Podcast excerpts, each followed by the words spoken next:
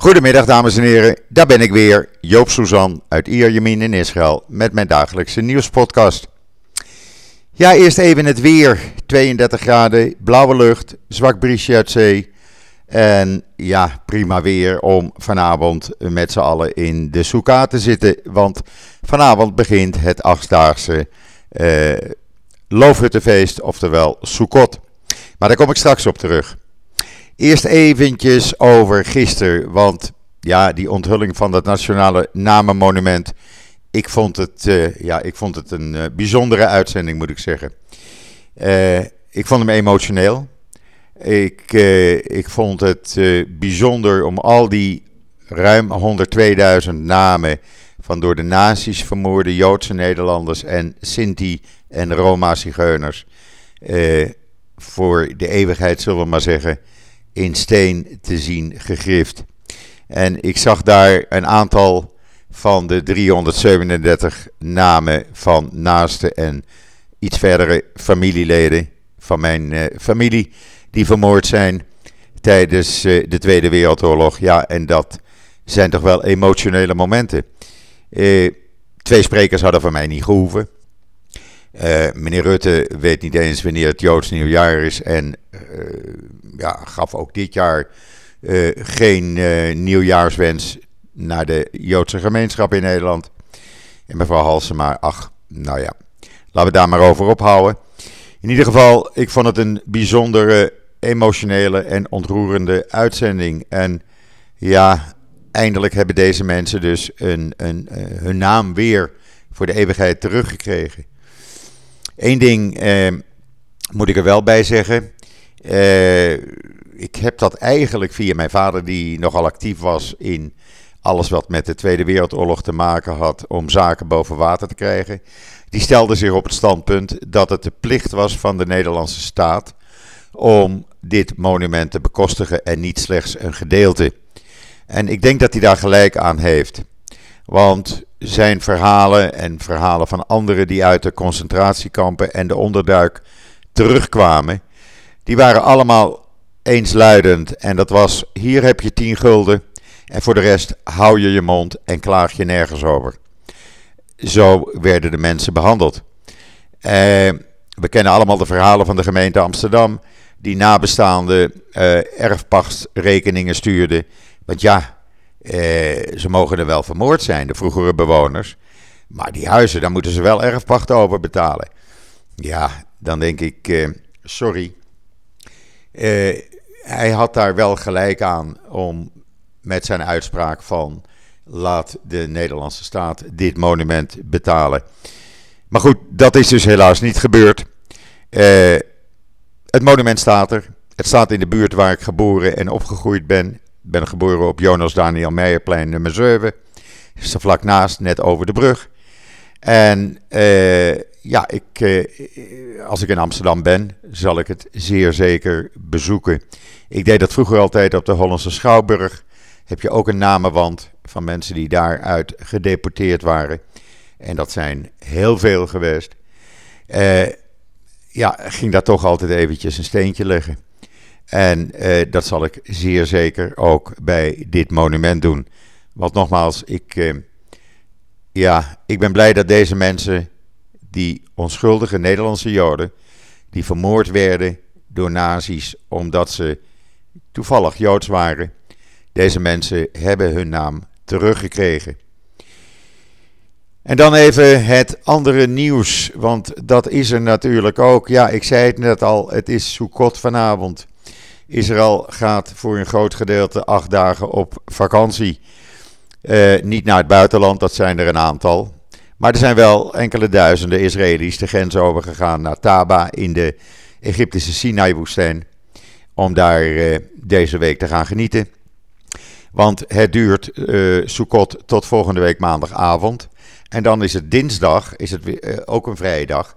Want dan is het Simchat Torah, vreugde der wet. Dat is in Israël één dag, buiten Israël twee dagen.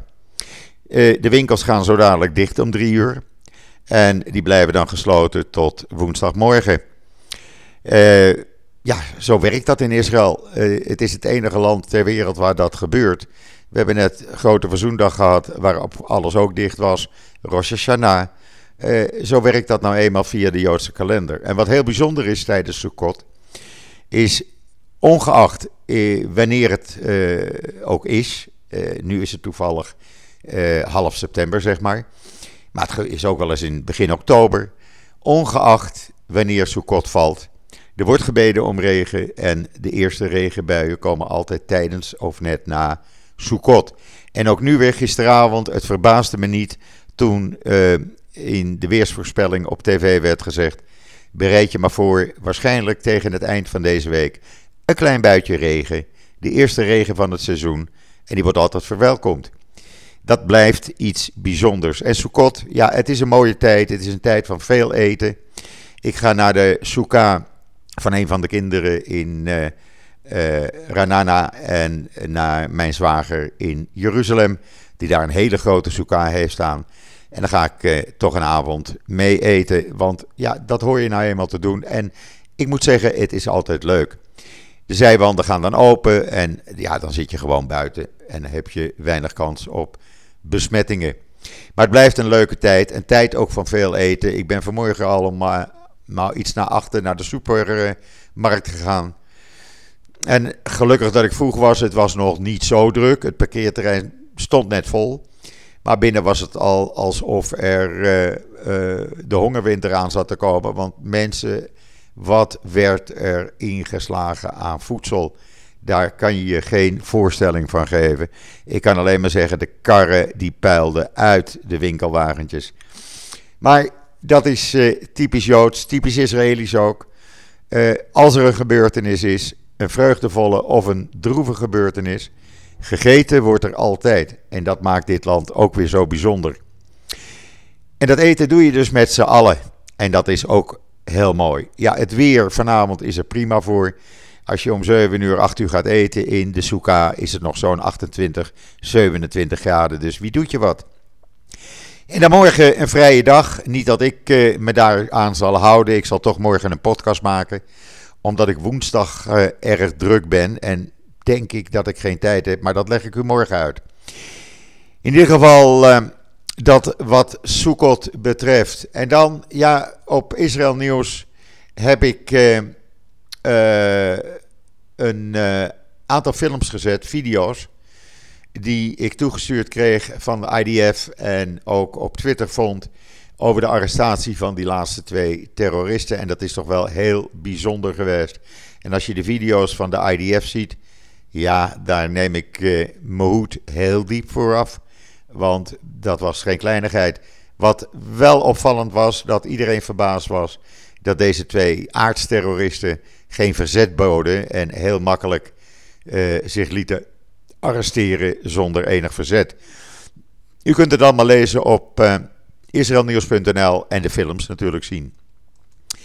En dan, uh, ja, de besmettingen gisteren. Het waren er weer 6456.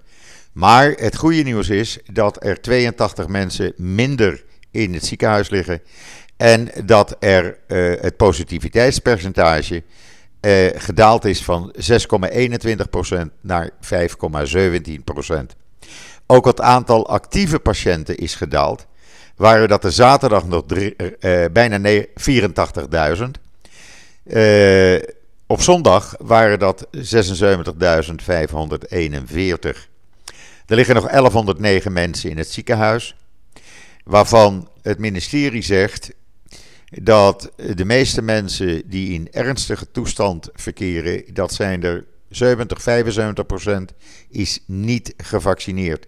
Van de kritieke patiënten is het overgrote deel niet gevaccineerd.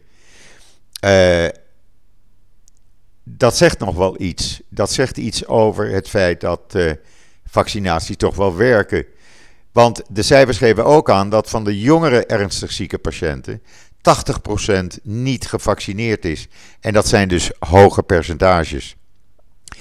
Uh, uit de gegevens van het ministerie blijkt ook dat het ontwikkelen van een, uh, het ernstig ziek worden als gevolg van COVID-19 45 keer hoger is bij niet gevaccineerde mensen in vergelijking met mensen die wel gevaccineerd zijn. met drie vaccins. En dan is er ook ja, nu een alarm zeg maar, van de ziekenhuisdirecteuren, want die zeggen de zogenaamde hart-longmachines voor ernstig kritieke patiënten, die, daar hebben de 40 van en die zijn alle 40 in gebruik, dus er moeten nieuwe komen. Het is al doorgesproken met het ministerie en verwacht wordt dat daar een oplossing voor wordt gevonden. Ondertussen is er ook een onderzoek bekend geworden. U kunt het allemaal zien en lezen op israelnieuws.nl natuurlijk. Die is al gepubliceerd op de Matrix website. Het is een onderzoek van het uh, Technion, het Maccabi Research and Innovation Center van het Maccabi Ziekenfonds. En daaruit blijkt dat een boosterinjectie, dus het derde vaccin, uh, de virale belasting aanmerkelijk, aanzienlijk vermindert. Uh, met een factor 4 zelfs. Wat hebben ze gedaan? Ze hebben 11.000 PCR-uitstrijkjes die door het ziekenfonds Maccabi bij patiënten werden uitgevoerd. Uh, met de Delta-variant natuurlijk, want die heerst hier. En die uitstrijkjes die werden weer vergeleken. De, die 11.000 uitstrijkjes, dat was in drie groepen. Dat waren mensen die nooit waren gevaccineerd. Mensen die binnen zes maanden na het krijgen van de tweede dosis besmet waren geraakt. En mensen die besmet waren geraakt nadat een, ze de derde vaccinatie hadden gehad. En wat blijkt dat de effectiviteit van het derde vaccin de virale belasting dus enorm doet afnemen. En dat is belangrijk nieuws, want zeggen de onderzoekers, mensen niezen, mensen hoesten, eh, daardoor kan je besmet raken. En als je dus door die boostervaccinatie eh, niet besmet raakt, ja, dan kan je dus zeggen dat het eh, boostervaccin dus helpt. Ze zeggen ook, na de eerste twee maanden kon je al zien dat de uh, immuunbescherming uh, begon af te nemen na die tweede vaccinatie. En de virale uh, lading toenam. En dat dat na zes maanden dus piekte. Nou, dat is precies wat uit oudere, andere studies bleek. Dus dat is een belangrijke ontwikkeling. En eens te meer, ja, eigenlijk het zijn van laat je vaccineren. Er zijn hier 850.000 mensen niet gevaccineerd. En uh, ja, ik zie het vanmorgen ook weer bij het ziekenfonds hier bij mij uh, voor de deur aan de overkant. Daar staan, stonden mensen toch weer in de rij om zich dan maar te laten vaccineren. Of dat nou met een eerste, tweede of derde vaccinatie is. Dat maakt niet uit, je moet je laten vaccineren. Er zijn inmiddels bijna 3,1 miljoen mensen die een derde vaccinatie in Israël hebben gehad. Wat de schoolkinderen betreft, ja, daar zitten zo'n uh, uh, 140, 150.000 schoolkinderen in quarantaine.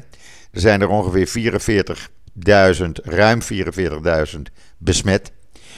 Uh, dat zijn kinderen voornamelijk in de leeftijd tot 18 jaar, waarvan maar een klein gedeelte gevaccineerd is. Onder de 12 jaar wordt helemaal niet gevaccineerd. En er zitten ruim 92.000 kinderen in quarantaine die in contact zijn geweest met iemand die besmet was.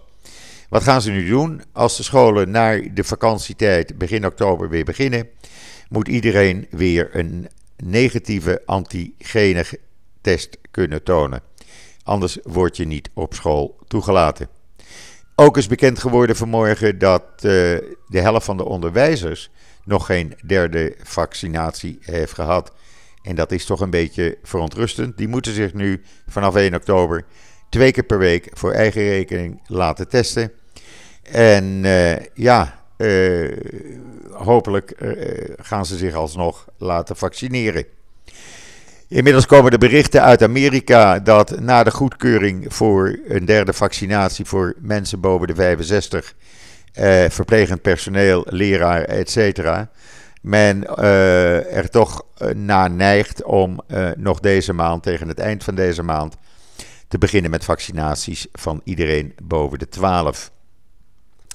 Dan hebben we nog een heel leuk artikeltje op israelnieuws.nl staan over 22 meest opvallende overeenkomsten die Israël en de Emiraten het afgelopen jaar hebben getekend. Of ondertekend, moet ik eigenlijk zeggen.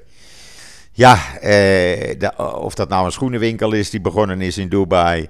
Of een Hebreeuwse school op vier locaties in de Emiraten. Zakenlui, Israëlische zakenlui die over cybertech spreken in Dubai. Lees het allemaal maar op israelnieuws.nl. Dan bent u gewoon weer op de hoogte.